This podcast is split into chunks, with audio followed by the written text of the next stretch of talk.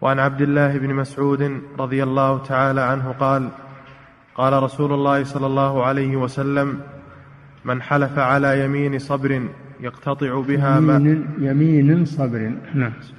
من حلف على يمين صبر يقتطع بها مال امرئ مسلم هو فيها فاجر لقي الله وهو عليه غضبان ونزلت إن الذين يشترون بعهد الله وأيمانهم ثمنا قليلا. وهذا أيضا في الأيمان. هذا الحديث في الأيمان وأن الحالف يجب عليه الصدق ولا يجوز له تعمد الكذب في اليمين. وفيه دليل على أن الأيمان تستعمل في الخصومات. قوله صلى الله عليه وسلم البينة على المدعي واليمين على من أنكر. فتستعمل اليمين في الخصومات. بأن يحلف المنكر. إذا لم يكن مع المدعي بينة فإنه يحلف المنكر ويبرأ. وإذا لم يحلف فإنه يقضى عليه بالنكول. أو ترد اليمين على المدعي كما سبق الخلاف فيه. فالحاصل أن الأيمان أنها من الطرق الحكمية. اليمين الأيمان من الطرق الحكمية التي يحكم بها القاضي بأمر الرسول صلى الله عليه وسلم البينة على المدعي واليمين على المدعى عليه وفي لفظ على من أنكر. فيجب أن يكون الحالف في الخصومات صادقا. يجب أن يكون صادقا في يمينه ولا يحلف كاذبا من أجل أن يأخذ حق أخيه. لأنه إذا حلف سيقضى له بما في يده. يقضى له بما في يده. ولا يكون للمدعي شيء بموجب اليمين. فإذا كان صادقا فهذا هو المطلوب. وإذا كان كاذبا فإن ما يأخذه حرام وسحت. ولا يكفي أن ما يأخذه حرام بل يلقى الله وهو عليه غضبان. والعياذ بالله. فهو يأخذ مالا حراما في الدنيا ويلقى الله يوم القيامة وهو عليه غضبان نسأل الله العافية. لهذا قال من حلف على يمين صبر يعني يصبر نفسه. الصبر هو الحبس يعني يحبس نفسه عليها وينطق بها وهو يعلم أنه كاذب ليقتطع بها مال امرئ مسلم إذا توجهت عليه اليمين في الخصومة فيحلف من أجل أن من أجل أن يأخذ مال أخيه المدعى به. فإنه يلقى الله يوم القيامة والله عليه غضبان. ومن غضب الله عليه فإنه يكون من الهالكين. والغضب إنما يكون على من علم وجحد. على من علم الحق وجحده فإن الله يغضب عليه. ولهذا وصف اليهود بأنهم مغضوب عليهم لأنهم يعلمون الحق وأنكروه عن علم غضب الله عليهم. فكل من علم حقا وجحده فإنه يكون من المغضوب عليهم والعياذ بالله. وفي هذا وصف الله جل وعلا بالغضب.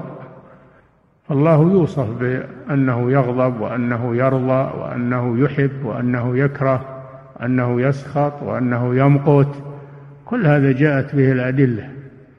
وهو على ما يليق بجلال الله سبحانه وتعالى. ليس كغضب المخلوق. ليس كغضب المخلوق. وإنما هو غضب يليق. بجلال الله سبحانه وتعالى كسائر كسائر صفاته. نعم. وعن الأشعث بن قيس قال وفيه دليل على أن القاضي يقضي على نحو ما يسمع لأنه لا يعلم الغيب ولكن يقضي على نحو ما يسمع.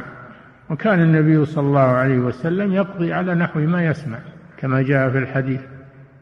فالقاضي ليس له إلا الظاهر فيقضي على نحو ما يسمع ويكل الباطن إلى الله جل وعلا.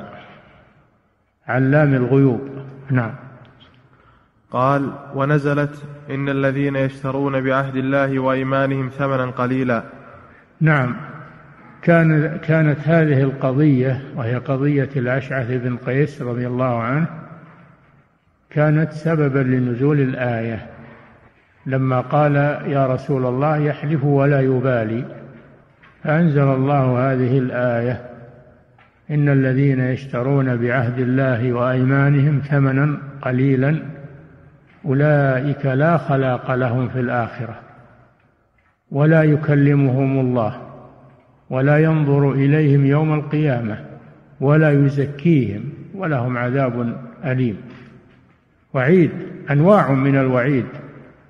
والعياذ بالله على من جعل اليمين على من جعل اليمين طريقا للكسب الحرام في البيع في الشراء في الخصومات الذي يحلف لأجل الكسب وأخذ الأموال فإنه يكون هذا سبيله. لا خلاق لهم في الآخرة يعني ليس لهم في الجنة نصيب. هذا وعيد شديد. ولا يكلمهم الله لأن الله يكلم المؤمنين ويكلمونه في الجنة ويتلذذون بكلامه وينظرون إليه سبحانه وتعالى. ولا ينظر إليهم يوم القيامة لا ينظر الله إليهم. نظر رحمة وإكرام غضبا عليهم. بل يعرض عنهم سبحانه وتعالى إهانة لهم ولا يزكيهم لا يطهرهم من الذنوب والمعاصي التي كانت عليهم وماتوا وهي عليهم.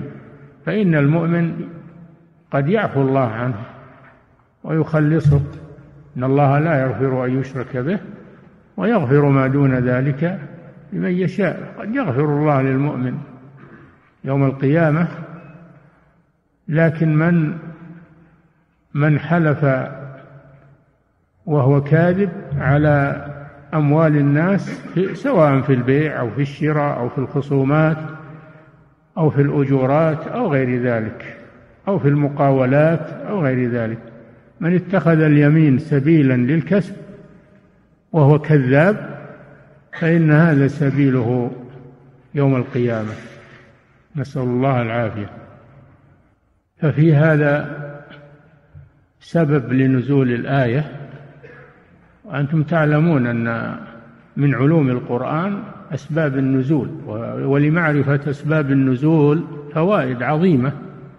لمعرفة أسباب النزول فوائد عظيمة ولهذا المفسرون كل ما مروا على آية لها سبب بينوا السبب. وألفوا مؤلفات خاصة بأسباب النزول لأجل فائدتها لأن سبب النزول يوضح الآية ويبينها. والقاعدة كما قالوا العبرة بعموم اللفظ لا بخصوص السبب فليست هذه الآية خاصة بهذا الرجل وإنما الآية عامة. إن الذين والذين هذه من ألفاظ العموم عند الأصوليين. فهي تتناول كل من اتصف بهذه الصفة إلى يوم القيامة. فهذا فيه تعظيم الأيمان واحترام الأيمان وأن الإنسان لا يحلف إلا وهو متيقن ولا يحلف على الكذب أو يتعمد الكذب. فإذا حلف كاذبا في الخصومة أو في البيع والشراء فقد ارتكب جريمتين عظيمتين. الجريمة الأولى أخذ أموال الناس. الجريمة الثانية استهانته استهانته باليمين واستخفافه بها. أحسن الله إليكم سماحة الوالد. يقول السائل هل قول النبي صلى الله عليه وسلم يقتطع بها مال امرئ مسلم أن هذا الحكم خاص بالمسلم أو أنه يدخل فيه الذمي والمعاهد والمستأمن. يدخل فيه مال الغير. يدخل فيه مال الغير سواء مسلما أو غير مسلم. لكن المسلم نظرا لقوله صلى الله عليه وسلم لا يحل مال امرئ مسلم إلا بطيبة من نفسه فمال المسلم لا يحل بحال من الأحوال إلا بطيبة من نفسه. أما مال الكافر فإنه يحل بالجهاد والغنيمة. والفيء. أما مال المسلم فهو ما يحل بحال من الأحوال. هذا وجه والله أعلم أن أن الرسول قال مال امرئ مسلم لأن مال المسلم لا يحل بحال من الأحوال إلا بطيبة من نفسه. قال تعالى إلا أن تكون تجارة. لو يا أيها الذين آمنوا لا تأكلوا أموالكم بينكم بالباطل إلا أن تكون تجارة عن تراض منكم. قال تعالى ولا تأكلوا أموالكم بينكم بالباطل. نعم.